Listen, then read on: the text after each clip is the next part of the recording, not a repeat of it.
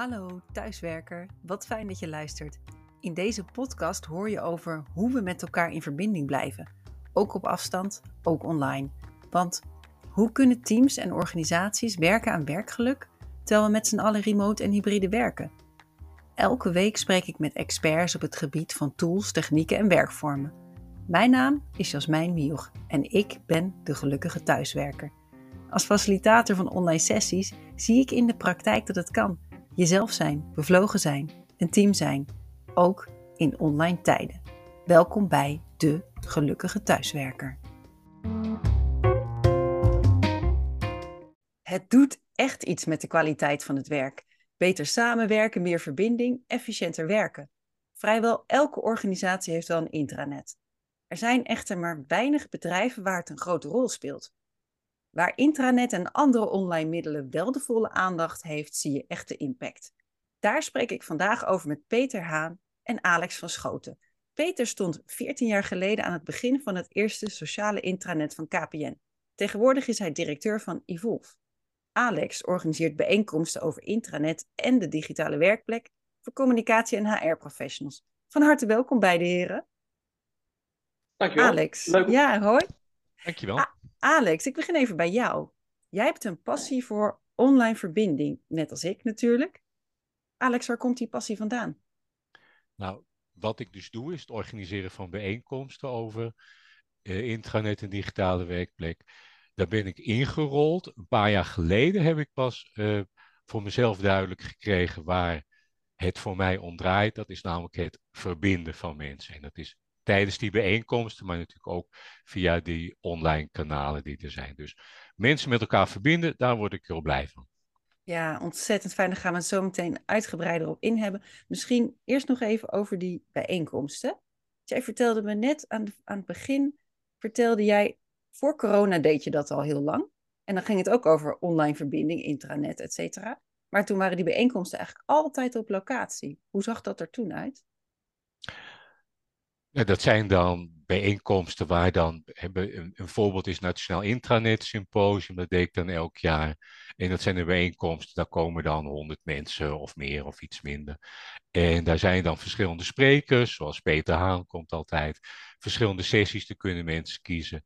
Nou, de doelgroep zijn over het algemeen communicatieadviseurs, over het algemeen vrouwen. En dat is gewoon een ontzettend leuke doelgroep. En uh, ja, dan hebben we gewoon een hele leuke en leerzame dag uh, met elkaar. Ja, en toen brak corona uit. We weten het allemaal goed. We kwamen met z'n allen thuis te staan. Jij had twee maanden later weer zo'n symposium gepland staan. En toen? Mijn eerste reactie was toen: het gaat gewoon door. Ik dacht niet zeuren, we gaan het gewoon doen. Nou, toen kreeg ik reacties van mensen van Alex, dat is niet verstandig om dat door te laten gaan. Dus heb ik gezegd, nee, we cancelen het. En doorgaan en betekent in dit geval op locatie Op locatie, want ik wist helemaal niet dat het online kon. En toen zat ik eerst met de handen in het haar. En toen heb ik wekenlang eh, of maandenlang gedacht van shit, uh, hoe ga ik verder? En dat wist ik echt niet. En nu, drie jaar later, hoe zien die bijeenkomsten er nu uit? Nou, toen heb ik op een gegeven moment contact gezocht met het bureau van Peter, dus Evolve. En daar was iemand die zei van Alex, als je jouw bijeenkomst organiseert, dan kun je wel op deze en deze manier doen. Dan kun je toch verschillende sessies organiseren, dat mensen kunnen kiezen. Nou, dat heb ik dus toen gedaan. En tegenwoordig doe ik mijn bijeenkomsten en op locatie en online. Dus nou combineer ik het beide. Ja, ontzettend gaaf om te horen hoe die ontwikkeling zich uh, heeft gevormd. Peter, ook van harte welkom. Jij bent ook hier aanwezig in onze online Zoom-vergadering. Jij bent een ervaren communicatieprofessional en echt al ontzettend lang bezig met online verbinding, intranets, et cetera. En ook je hebt Alex geholpen in zijn bijeenkomsten online te krijgen. Wat is, wat jou betreft, Peter, um, de grootste impact van online verbinding? Nou ja, los van het, het woord online, kijk, we hebben een soort filosofie, een soort gedachte dat, kijk, de, de, de succesvolste organisaties zijn niet degene die op dat moment het beste zijn, maar die zich het beste kunnen, kunnen aanpassen aan, aan ontwikkelingen. En die dus eigenlijk duurzaam succesvol zijn. En we kijken dan vaak naar organisaties in de zaak van organisatiehartjes en structuren en dat soort dingen allemaal. Maar uiteindelijk zijn organisaties niet wendbaar, maar zijn mensen in organisaties wendbaar. En of moeten wendbaar kunnen zijn. En dat kunnen ze alleen zijn als ze contact met elkaar hebben en als ze elkaar snappen en als ze begrijpen wat er moet gebeuren en als ze elkaar willen helpen. En dat kan alleen als er verbinding is tussen die mensen. Dus we zoeken niet zozeer naar, naar verbinding binnen organisaties, maar verbinding tussen mensen in organisaties. En dat vind ik maatloos fascinerend. En dan heeft het dus ook impact. Ja, dat gaat natuurlijk via die intranets. Misschien voor de mensen die niet zo heel bekend zijn met intranet, want niet elke organisatie heeft ze en niet elke heeft een hele goed werkende intranet. Wat zijn volgens jou, Peter, de kenmerken van een goed werkend intranet? Hoe ziet dat er dan uit? Ja, dat is dus die, die, vaak, die vraag die krijg ik vaak. Hè. Wat is nu een goed intranet of wat zijn nou de best practices? En dat is best wel lastig om aan te geven. Want een goed intranet sluit eigenlijk aan waar je als organisatie naartoe wilt. Of wat je als organisatie wilt, wilt bereiken. Kijk, en natuurlijk moet elk intranet zeg maar, een soort, een soort, een soort informatievoorziening waarbij mensen zeg maar, beleidsinformatie kunnen vinden, dat soort dingen allemaal. Maar of je meer insteekt op verbinding en dus mensen met elkaar in contact brengt, of als je efficiënter wilt werken, meer zit op self-service en dus mensen meer zelf dingen kunnen laten doen, nou, dat is sterk afhankelijk van waar je als organisatie naartoe wilt en waar de uitdagingen zijn.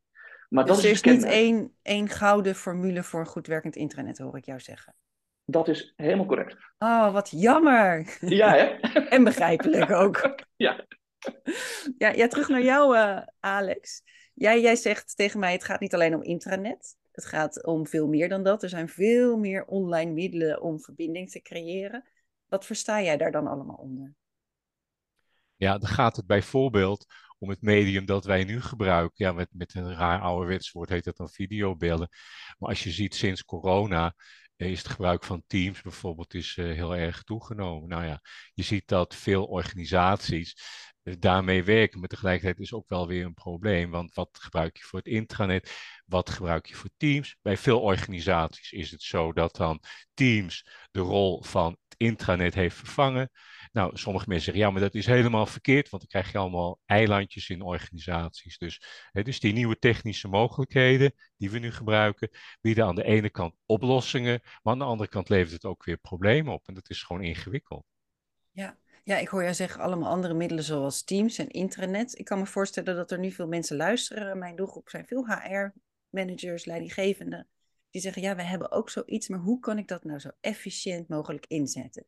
Dus los van welk middel of medium of intranet je hebt, je hebt iets om te communiceren met je medewerkers. Hoe kun je dat nou zo inzetten dat je online verbinding verbetert? En ik kijk even naar beide heren. Wie wil daar als eerste op reageren?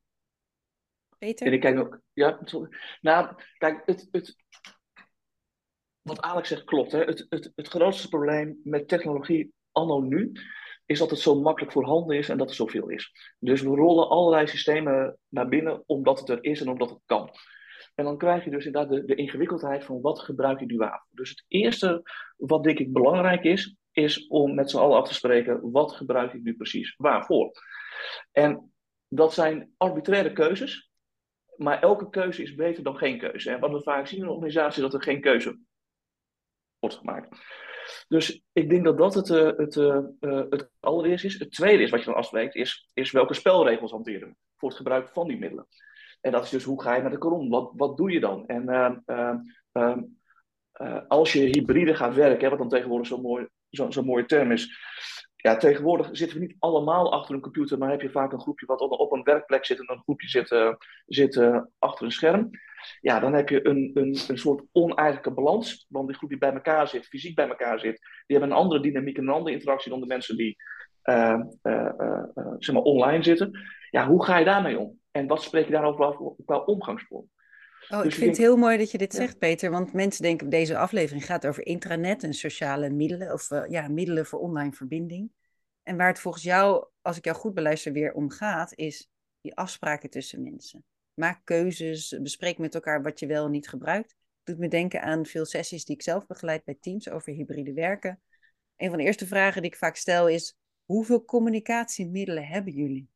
Nou, en dan schrik je hoor. Dat gaat van uh, gewoon post-its, WhatsApp, Teams-omgeving, een intranet, uh, telefoon, noem het allemaal maar op. En mensen weten helemaal niet wat, wanneer en hoe. En vervolgens is ook de vraag: ik wil eigenlijk geen WhatsAppjes krijgen in het weekend. Nee. En dat weten nou, mensen niet. En de andere zegt, ik vind het prima. Dus daar, daar draait het allemaal om. Terwijl we, we hebben het nu over die technologie, maar waar het eigenlijk om draait zijn de mensen. Zeker. En, en de grap dan aanvullend, en dat kan Alex ik ook van alles over vertellen, is wat is het, het, het, het nou, vind ik extreem grappig is, is dat we bereiken dan dus de mensen niet meer. Hè? Want we hebben zoveel kanalen, dus we weten niet meer wie we waarom bereiken. Nou, wat we dan gaan doen is, we gaan op al die kanalen gaan we dezelfde communicatieboodschappen zenden. Dus dan hoor je op alles hetzelfde. Dus mensen bereiken überhaupt niet op die kanaal, want die denken, wel, die heb ik al gehoord daar en daar. En dan gaan we nog extra, extra middelen tegen aanzetten, zodat we dan die mensen dan wel, wel gaan bereiken. Dus je krijgt een enorm arsenaal van ineffectiviteit qua communicatiemiddelen, waardoor mensen op een gegeven moment volledig afhaken. Ja. Alex, is dat ook jouw beeld? Ja, als, als ik er iets over mag zeggen. Kijk, Ja, uiteraard. Ehm, het probleem is, wat Peter ook aangeeft, is dat er heel veel middelen worden over de mensen uitgestort. En dat is zeker sinds Microsoft 365 zo'n ontzettende vlucht heeft genomen. En het idee is van, we bieden het aan, we zetten de knop om en dan kunnen de mensen er wel mee werken. En het probleem is dat dat gewoon niet zo werkt. En de bijeenkomst, de volgende bijeenkomst die ik organiseer, Nationaal Congres Online Verbinding op 18. Daar probeer ik het juist om te draaien, want je moet eigenlijk kijken van wat doen de medewerkers nou de hele dag en waar worden ze blij van? En dat betekent dus dat je eigenlijk moet kijken van wat doen die mensen, dat beschrijven en dan vervolgens bekijken hoe kunnen wij die mensen in die situaties het beste helpen. En dat is dus eigenlijk moet je dus de omgekeerde weg volgen. Nou, niet eerst kijken naar de technologie, maar eerst kijken wat doen die mensen nou eigenlijk dagelijks. Ik vind dat beeld wat jij nu oproept, uh, Alex, wel heel interessant. Van dat, of eigenlijk heel pakkend. Het uitstorten van die informatie op alle kanalen. En dat de mensen helemaal gek worden en vervolgens maar helemaal niks meer bekijken. En dat je moet, jou, jouw pleidooi is eigenlijk, kijk naar waar mensen blij van worden, waar ze goed werken, waar ze verbinding vinden met elkaar en ga dat inzetten.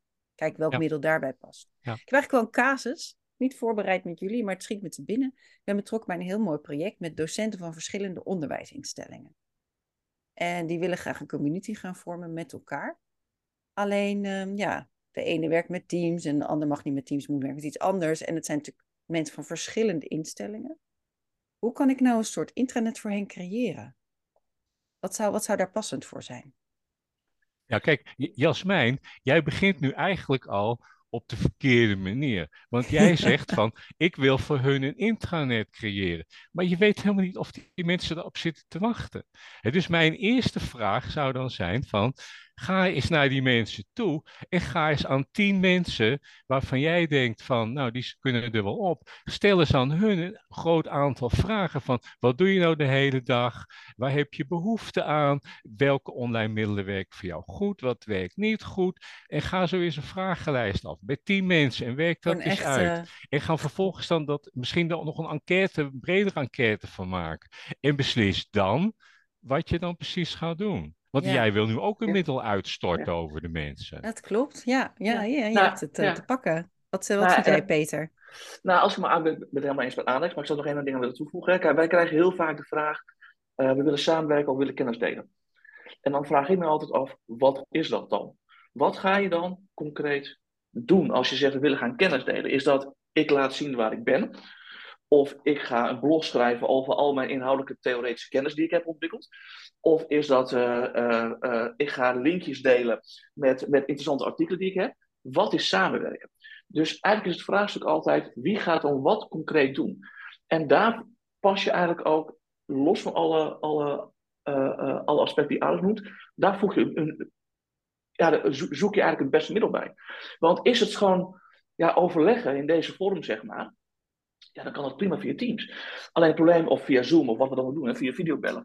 Maar als je zegt van nee, het, het, het, het, moet bijvoorbeeld ook, ook asynchroon kunnen en we moeten vooral referentiedingen hebben, dan zit je meer in een community-achtige vorm. Dus, dus het afpellen van containerbegrippen als we willen verbondenheid hebben, of we willen kennis delen, of willen samenwerken, naar wat het dan concreet inhoudt, wat ook verbinding is, ook zo'n mooi trendwoord. Iedereen wil, wil verbinding. En dan vraag ik me af, ja, wat, wat is dat dan? Dat? Wat ja. is dat dan? Wat doe je dan? En wat doe je dan anders dan, dan, dan, dan wat je nu hebt? Wat verwacht je dan van mensen? Daar begint het vaak mee. En, daar, en, en, en vaak gaan we niet zo diep om dat af te pellen, waardoor we ook vaak hele, uh, nou ja, met oplossingen komen die niet noodzakelijkerwijs aansluiten bij uh, ja. het gewenste doel. Dus als ik jullie zo hoor, in plaats van. Uh, ik kan me voorstellen, mensen luisteren die zeggen: Ik ben het de beste bedoelingen, wil ik verbinding creëren, samenwerking stimuleren, efficiënter werken. Ja. Dus ik ga een mooi systeem inrichten, implementeren. Dat is fout. Nou, dat is, dat is, dat is uh, hoopvol. En uh, het, het, kan, het, het kan heel goed werken. De praktijk, in, mijn ervaring in de praktijk is dat het 9 van de 10 keer de zonde van het geld is. En als mensen nou ja. klein willen beginnen, die zeggen: Oké, ik heb een, bijvoorbeeld een klein team, kleine organisatie ja. of grote organisatie, maar ik wil beginnen met een afdeling. Ja. Wat zijn nou eerste stappen die zij kunnen nemen? Ik hoor eh, Alex al zeggen: gebruikersonderzoek. Wat is nog meer bijvoorbeeld, Alex? Ik zie Peter reageren. Peter? Nee, nee, nee, nee ik, ik, ik wacht voor Alex. Nou, ik, ik speel hem even door naar Peter. Peter is de adviseur. Peter die weet dat vast beter te verwoorden dan ik. Nou, ik weet niet, maar, maar ik denk dat het gewoon hetzelfde is als we ons net uh, uh, uh, zeiden. Je wilt gewoon helder hebben, wat wil ik eigenlijk bereiken? Of wat willen eigenlijk die, die mensen bereiken? En, en daar dan gewoon eigenlijk goed op doorvragen, maar wat betekent dat dan? En wat is dan het effect? En wat is het resultaat? En wanneer zijn we tevreden als er, als er wat gebeurt? En dan ga je kijken met, met waar zou dat het beste passen. En wat je dan vaak hoort en vaak leest, is we beginnen met de ambassadeurs, met de mensen die enthousiast zijn. Ja, ik heb daar een licht andere filosofie over, hè, want dat zijn vaak de mensen die altijd enthousiast zijn. En dat is vaak maar een kleine populatie in je organisatie, waardoor ook vaak het succes beperkt blijft voor een kleine groep mensen, waarvan de rest van de organisatie denkt, daar zijn we die enthousiastelingen, wanneer gaan ze een keer echt aan het werk? Want nou, dit vind ik wel heel interessant wat je zegt, oh. Peter. Want ik zelf ben ook echt van de school. Begin met enthousiaste mensen. Ja. Maak de ambassadeur. Zorg dat het als een soort olievlek ja. verspreidt over de organisatie. En jij zegt, kan ook anders. Nou ja, ik denk alleen dat het effect dan beperkt blijft. Afhankelijk van wat je wil bereiken. Tot de enthousiastelingen. Maar de mensen die er wat minder enthousiast tegenover staan. Die voelen zich vaak niet vertegenwoordigd door die enthousiastelingen. En voelen dus ook helemaal geen uh, uh, uh, druk of effort of energie of wat dan ook om dan eraan mee te gaan doen. Daarom is vaak zo'n internet of een Yammerfeed of al die communities, die zijn vaak beperkt tot een hele beperkte groep. Tot die enthousiastelingen. En, en, en, en, en de rest is gewoon, en ik chargeer nu, gewoon aan het werk. En met, en met het werk bezig. Gewoon de outlook, ja. de outlook afwerken. Ja. Het is volgens mij veel slimmer om te kijken van, die enthousiastelingen die krijg je toch wel. En natuurlijk moet je ook enthousiastelingen hebben. Dus het is geen pleidooi om ze überhaupt niet te gebruiken. Maar ik zal vooral kijken naar die groep. Die je eigenlijk aan de praat wilt hebben. Omdat daar gebrek aan verbinding mist. Of omdat daar inefficiënt wordt gewerkt. Wat zij nodig hebben. Want als je namelijk die negatievelingen hebt. Om het even helemaal uit elkaar te trekken. Dan weet je zeker die enthousiastelingen ook hebben. Maar dan weet je ook dat je zet waarmee die negatievelingen. Of die mensen die wat minder enthousiast zijn. Ook daadwerkelijk gaan participeren. Nou, dit, dit klinkt, je... me, ja, dit klinkt natuurlijk heel erg fijn. Maar hoe krijg je deze mensen dan betrokken? Nou, door ze te vragen wat ze nodig hebben. Met andere woorden, kijk, iedereen. We, we, we, wij gebruiken een soort, een, een soort change methodiek, want die komen natuurlijk heel, vaak tegen. Uh, dat mensen niet noodzakelijkheid willen. willen. Uh, en wij gebruiken daar een, eh, een, een change methodiek van, van, van, van Lewin. En, en die zegt eigenlijk een soort basisfilosofie is dat mensen willen wel veranderen. Want eigenlijk hebben we het over gedragsverandering. Ze moeten iets anders gaan doen dan wat ze altijd deden. Maar ze voelen zich belemmerd om dat te doen. En dat betekent dus, ze, hebben, ze zien of de toegevoegde waarde niet, of ze weten niet hoe, of ze vinden het ingewikkeld, of, of ze, ze hebben, voelen geen tijd of geen, geen, geen, geen, geen ruimte om dan iets anders te gaan doen. Dan is de truc om uit te zoeken wat die belemmeringen zijn. En die zijn vaak individueel. En kijken hoe je die belemmeringen kunt wegnemen. Dus als, dus als mensen zeggen, ja, ik heb er helemaal geen tijd voor, want ik heb ook nog mijn e-mail en ik heb het al zo druk. Dus hoezo ga ik in zo'n community doen? Dan ga je kijken van, hoe komt het dat je zo druk hebt? En kunnen we een deel van waarmee je druk hebt in het reguliere werk verminderen door slimmer te werken in een community? Ja, dit klinkt echt als een, een, een totaal aanpak, een holistische aanpak, waarin je eigenlijk naar de individuele medewerker kijkt, de teams, Zeker. afdelingen, om daar zo'n mooi mogelijke oplossing te creëren. Zeker. En dat is dus wat complexer dan we maken een gaaf filmpje met, ja. kijk eens, we hebben een nieuwe community. Wat super tof. Moet je ook doen. Maak je leven leuker. En het leven is één groot feest. Ja, dat werkt dus nergens. Dus de flitsende ja. communicatieuitingen werken niet. Alex? Een leuke uitspraak die Peter had bij de vorige bijeenkomst is: mensen willen vooral dat andere mensen veranderen, maar die ze willen niet zelf veranderen. En dat is natuurlijk een probleem in heel veel organisaties. Dat er heel veel mensen rondlopen voor allerlei projecten en zo. Van we gaan nu, of jullie moeten nu. Ja, maar zo werkt het gewoon niet. Dus toch ook voorbeeldgedrag laten zien? Of... Zeker, maar dan wel van de juiste mensen. Hè? Ik bedoel, dat is nou het punt. En we hebben altijd begin met de enthousiastelingen, dat is ook voorbeeldgedrag.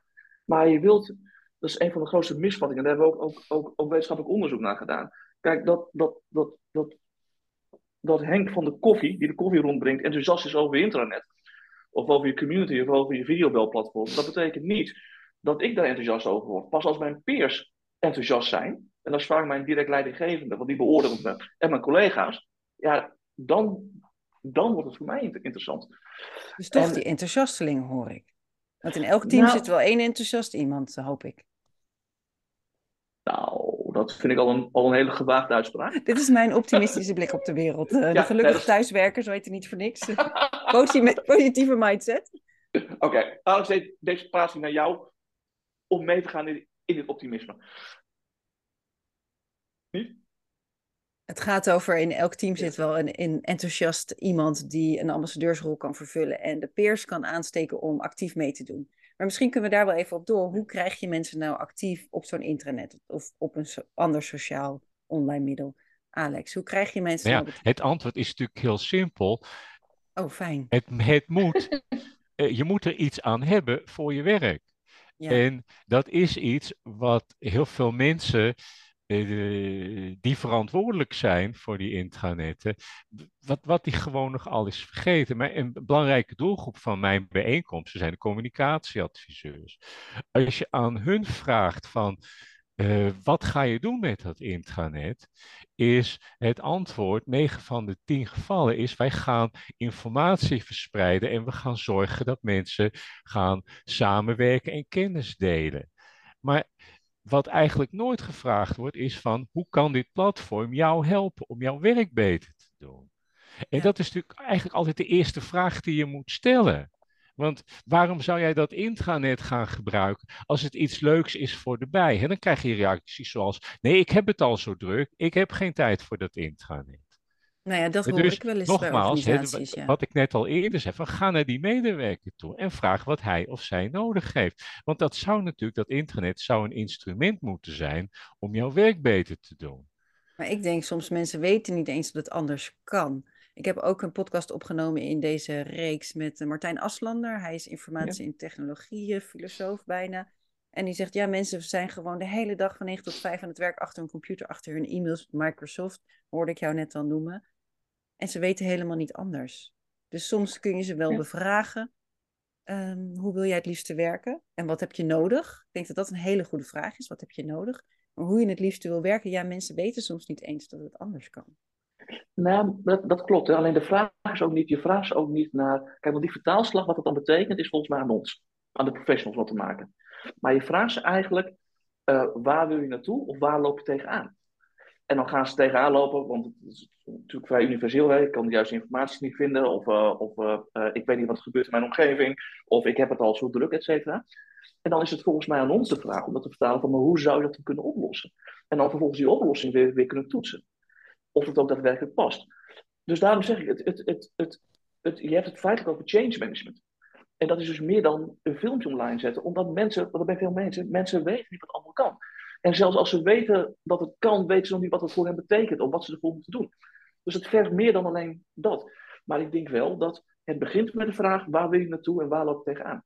Ja, ja hele mooie, mooie vraag, Peter. Ik vind het fijn, uh, nu we dit wat dieper hebben uitgezocht, om even te kijken naar wat praktische voorbeelden. Want jullie lopen al jaren mee in deze wereld. Jullie zijn er al ontzettend vaak mee bezig. Ja. Organiseren congressen erover. komen veel bij organisaties over de vloer. Hebben jullie nou ook praktijkvoorbeelden van um, online middelen of intranets die echt goed werken? En, en waar ligt dat dan aan? Ik kan er wel eentje noemen. Ja, graag. jij noemde net al, Jasmijn, uh, Aliander. je hebt dan een keer gesproken met... Uh... Ik heb een keer met Helene Cocu gesproken, de HR-directeur van Aliander. En zij hebben een award-winning intranet. Waar deze podcast ook een keer op gepubliceerd is. Oké, nou. En uh, toevallig weet ik het een en ander van Aliander, want uh, de baas van het intranet van Aliander, die heeft een paar keer presentaties gegeven bij mijn bijeenkomsten. En wat ik heb begrepen, ze hebben een prijs gewonnen. Nou, hè, dat, dat zegt op zich natuurlijk niet zo heel veel. Het is niet van, ze hebben een prijs gewonnen, dus ze zijn goed. Maar wat ik ervan heb begrepen, is dat dat gewoon een heel goed en heel goed werkzaam intranet is. En dat is vooral omdat, ja, waar ik steeds op zit te hameren, is dat ze heel goed vragen aan de medewerkers van wat heb jij nodig om jouw werk goed te doen? En ze weten dus ook die mensen te bereiken. Alliander is een energienetwerkbedrijf, dus er zijn ook veel medewerkers die gewoon buiten werken en die kabels leggen, of weet ik veel wat ze precies doen. Maar ook die mensen weten ze te bereiken. En dat is gewoon heel knap. Maar dan hebben ze dus kennelijk iets te bieden aan die mensen die die kabels leggen. En wat is dat dan? Kennelijk hebben zij dan aan die kabelleggers, ja, ik noem het maar even kabelleggers, Ja, ik weet niet precies ja. wat die mensen doen, maar kennelijk hebben zij die mensen informatie te bieden die ze dan nodig hebben in hun werk. Ik vermoed dat ze dan een heel goed roostersysteem hebben, bijvoorbeeld. Eh, misschien hebben ze ook een heel mooi systeem voor de vergoedingen, voor de vrije dagen. Eh, misschien staan er hele goede, duidelijke werkafspraken in die je heel makkelijk kunt delen met collega's. Ik noem maar even wat dingen. Ik weet niet zeker of het zo is, maar ik vermoed dat ze dat soort werkgerichte informatie gewoon heel goed en heel duidelijk op het intranet hebben staan. Ja, mooi. Dankjewel voor het delen van dit voorbeeld van Aliander. Peter, heb jij ook een, een mooi voorbeeld uit de praktijk hoe het kan werken? Ja, nou, ik vind het lastig om een, een heel concreet voorbeeld te geven van, eh, van dit vind ik nou echt een fantastisch goed, eh, goed intranet. Zijn Maar ze er wel? Of, of bestaan ze gewoon nog Ah, niet? Nou, ze zullen on- ongetwijfeld bestaan. Kijk, wij, wij komen natuurlijk op, op plekken waar vooral hulp gewenst is. Hè? Dus, eh, dus, dus wij zitten vaak in, in, het voortraject. Ehm, maar kijk, we zien bijvoorbeeld wel bijvoorbeeld in, de- in, eh, in, eh, eh, in de zorg. Zien we nu wel bijvoorbeeld een, een, een tendens waar bijvoorbeeld, daar hebben ze bijvoorbeeld applicaties waar allerlei protocollen en dat soort dingen worden, worden, worden ontsloten. Of in staan, hè, hoe, hoe moet je met patiënten omgaan? Dat je bijvoorbeeld vanaf het intranet meteen toegang hebt tot al dat soort protocollen. En dat je dus meteen al dat soort informatie uit de onderliggende systemen kunt Ja, ontsluiten. het is eigenlijk ook precies wat Alex zegt. Eh, maak, geef echt duidelijke informatie die super belangrijk is voor mensen. Waarom ze er naartoe willen. Ja, en, en, ehm, eh, en er zijn wel er er zijn genoeg toptakenonderzoeken geweest. Hè. Dat, dat heet om met zo'n mooi woord toptaken. wat zijn dan de, meest voorkomende taken van mensen en, en wat verwachten mensen dan? Hè? Nou, dan gaat het om, om eh, eh, eh, nieuws uit je organisatie. Dan gaat het om dit soort self-service-achtige dingen. Dan gaat het om, eh, om eh, eh, eh, eh, ja, echt werkgerelateerde inhoud naar, naar boven krijgen. Ik denk dat als het daaraan voldoet, het al heel goed is. Maar bijvoorbeeld over nieuwsvoorziening. Ja, kijk, het, het, het, hoe relevanter het nieuws, want alles draait uiteindelijk om, om, om relevantie, hoe beter het is. Dus als jij op, op een locatie zit van een, van een organisatie, ja, dan wil je locatierelevant nieuws hebben. Naast je algemene kop wil je ook locatie-specifiek en dan wil je misschien ook kunnen, kunnen filteren. De internetten die dat soort personalisaties aanbieden, per definitie beter scoren dan Ja. de algemene internetten. Dus de nieuwjaarsborrel voor deze afdeling is woensdag. Ja, of Ja. ehm, eh, eh, de glazenwasser voor deze locaties, die komt dan en dan langs. Om het mee heel plat, te- plat, plat Ja. te maken. Ja, dat is Ja. wel fijn om te weten, inderdaad. Ja. Zo kun je mensen verleiden of uitnodigen of wat minder Jasmijn? positief woord dwingen Ja. naar je intranet Ja. te komen. Ja, Alex. Mag ik er iets over zeggen? Ja? Nou, ehm, wat, hè, ik had het er net over van dat allemaal allerlei online middelen over de medewerkers worden uitgestort. Maar wat ook over veel medewerkers wordt uitgestort, is veel eh, informatie over zaken waar ze helemaal niet echt behoefte aan hebben. Dat zie je op heel veel intranetten, dat er allerlei eh, informatie over het grote geheel wordt verspreid. Bijvoorbeeld over eh, projecten waar een organisatie mee bezig is, of toekomstplannen, of weet ik veel wat. Maar waar medewerkers natuurlijk behoefte aan hebben, is informatie over van wat hebben die grote veranderingen voor gevolg voor mijzelf. En mensen willen lezen over dingen die hen zelf aangaan. Ja. Hè, en ja, je moet dus als communicatieadviseur moet je die vertaalslag maken van wat is nou relevant voor die individuele medewerker. En Ja. dan kan je heel veel van die informatie die nu op dat intranet staat, heel veel van die, van die nieuwsdingen, kun je gewoon eigenlijk, kun je volgens mij prima zonder. Ja, wat, wat, Nou ja. wat jij nu zegt, dat schiet me iets te binnen. Van de sociale media zijn natuurlijk waanzinnig populair. Denk aan eh, nou ja, Instagram, Hmm. LinkedIn, Facebook, Twitter. Maar elk medium is weer voor iemand anders interessant. Dus niet elk type mens zit op elk sociale medium. En op intranet, ja, binnen bedrijven werken toch verschillende typen mensen over het algemeen.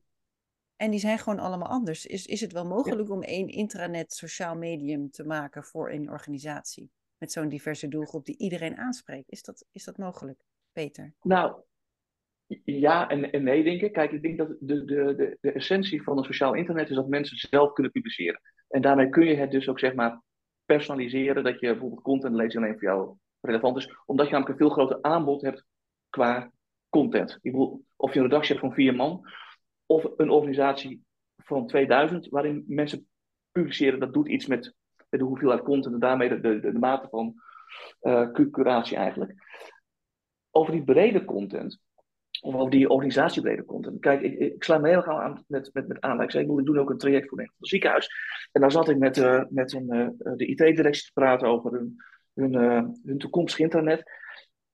En eigenlijk was de conclusie, wat ze functioneel wilden aan functies, dus wat het ding moet kunnen, ja, is heel erg basaal.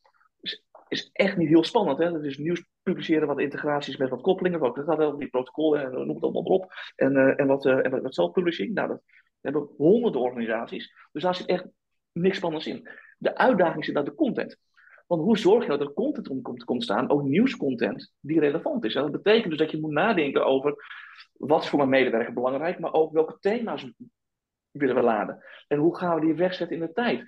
En we maken van alles een nieuwsbericht. En wat Alex refereert aan al die projecten. Hè. De organisatie hebben altijd een hele grote behoefte om in projecten te, te, te vertellen, de mijlpalen in projecten. Dat zijn allemaal vaak losse nieuwsberichten ja, de, ik snap dat je het wilt als organisatie, want je wilt staan om te zeggen: dit is onze strategie en zo komen we, bereiken we die strategie.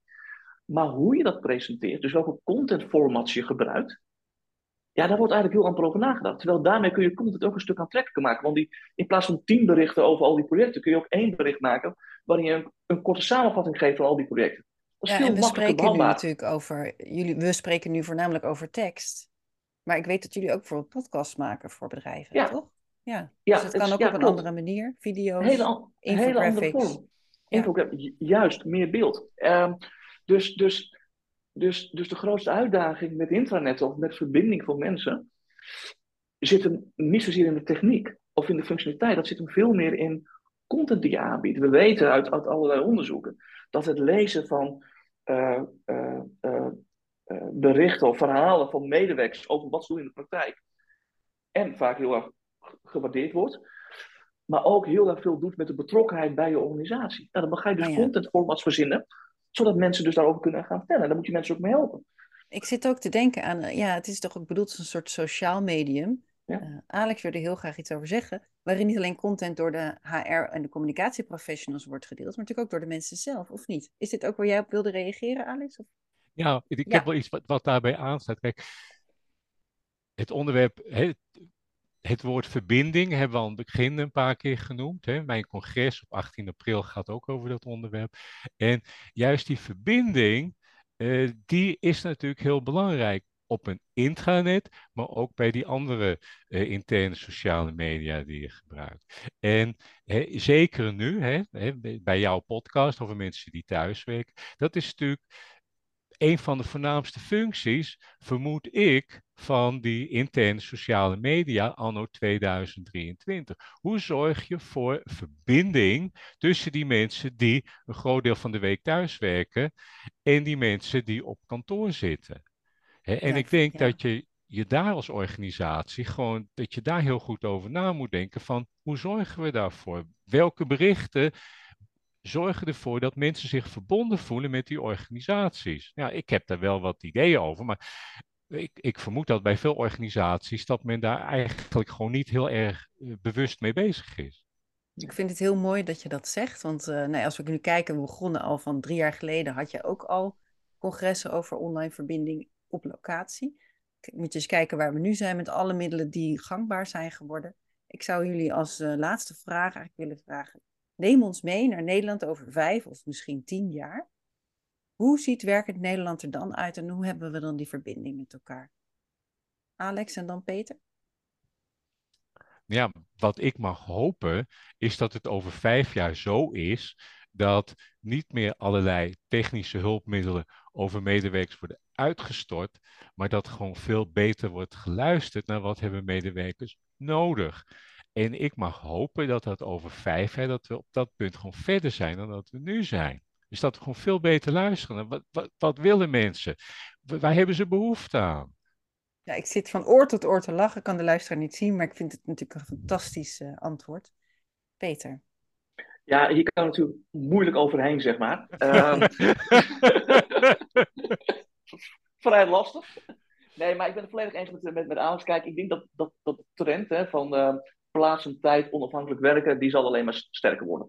Uh, ik, ik denk niet dat we naar een situatie gaan waarbij we allemaal zeg maar, uh, uh, thuiswerken. Hè, dus in jouw, jouw, jouw, jouw, jouw, podcast de gelukkige thuiswerken, zeg maar. Uh, ik denk dat gelukkig thuiswerken ook betekent dat je af en toe daadwerkelijk nog gewoon mensen ziet, fysiek. Uh, maar ik denk, maar ik, ik hoop wel, zeg maar, dat we dan nou, weer, weer inderdaad een mate van professionalisering verder zijn. Dat het allemaal wat naadlozer gaat en dat het wat minder gekunsteld is. Dat we minder hebben van, we gaan op dinsdag en op donderdag met z'n allen naar kantoor. Uh, zodat we weer met z'n allen in de file staan. Uh, omdat we elkaar dan toch graag, graag willen zien. En op maandag werken we graag thuis, want dan hebben we een lang weekend. Op woensdag hebben de kinderen het ook fijn om thuis te werken. Op vrijdag begint het weekend alvast. Dus laten we dan ook vooral thuis werken. Flexibeler, allemaal, soepeler. Ja. Flexibeler, soepeler. En dat die tools daar veel beter op aansluiten. Omdat we veel beter nagedacht hebben over de vraag van hoe kunnen we dingen beter met elkaar combineren. En wat hebben mensen daadwerkelijk echt nodig. Super. Ik zie volgens mij dat wij alle drie thuis zitten. Ik weet het niet zeker, maar als ik kijk naar de achtergronden op onze Zoom dan denk ik dat we alle drie uh, thuis zitten. En het is voor de luisteraar donderdagochtend. Ik zie Alex knikken. Die zit, zit jij gelukkig thuis, Alex? Ja. Ja. ja. Ben je gelukkige thuiswerker?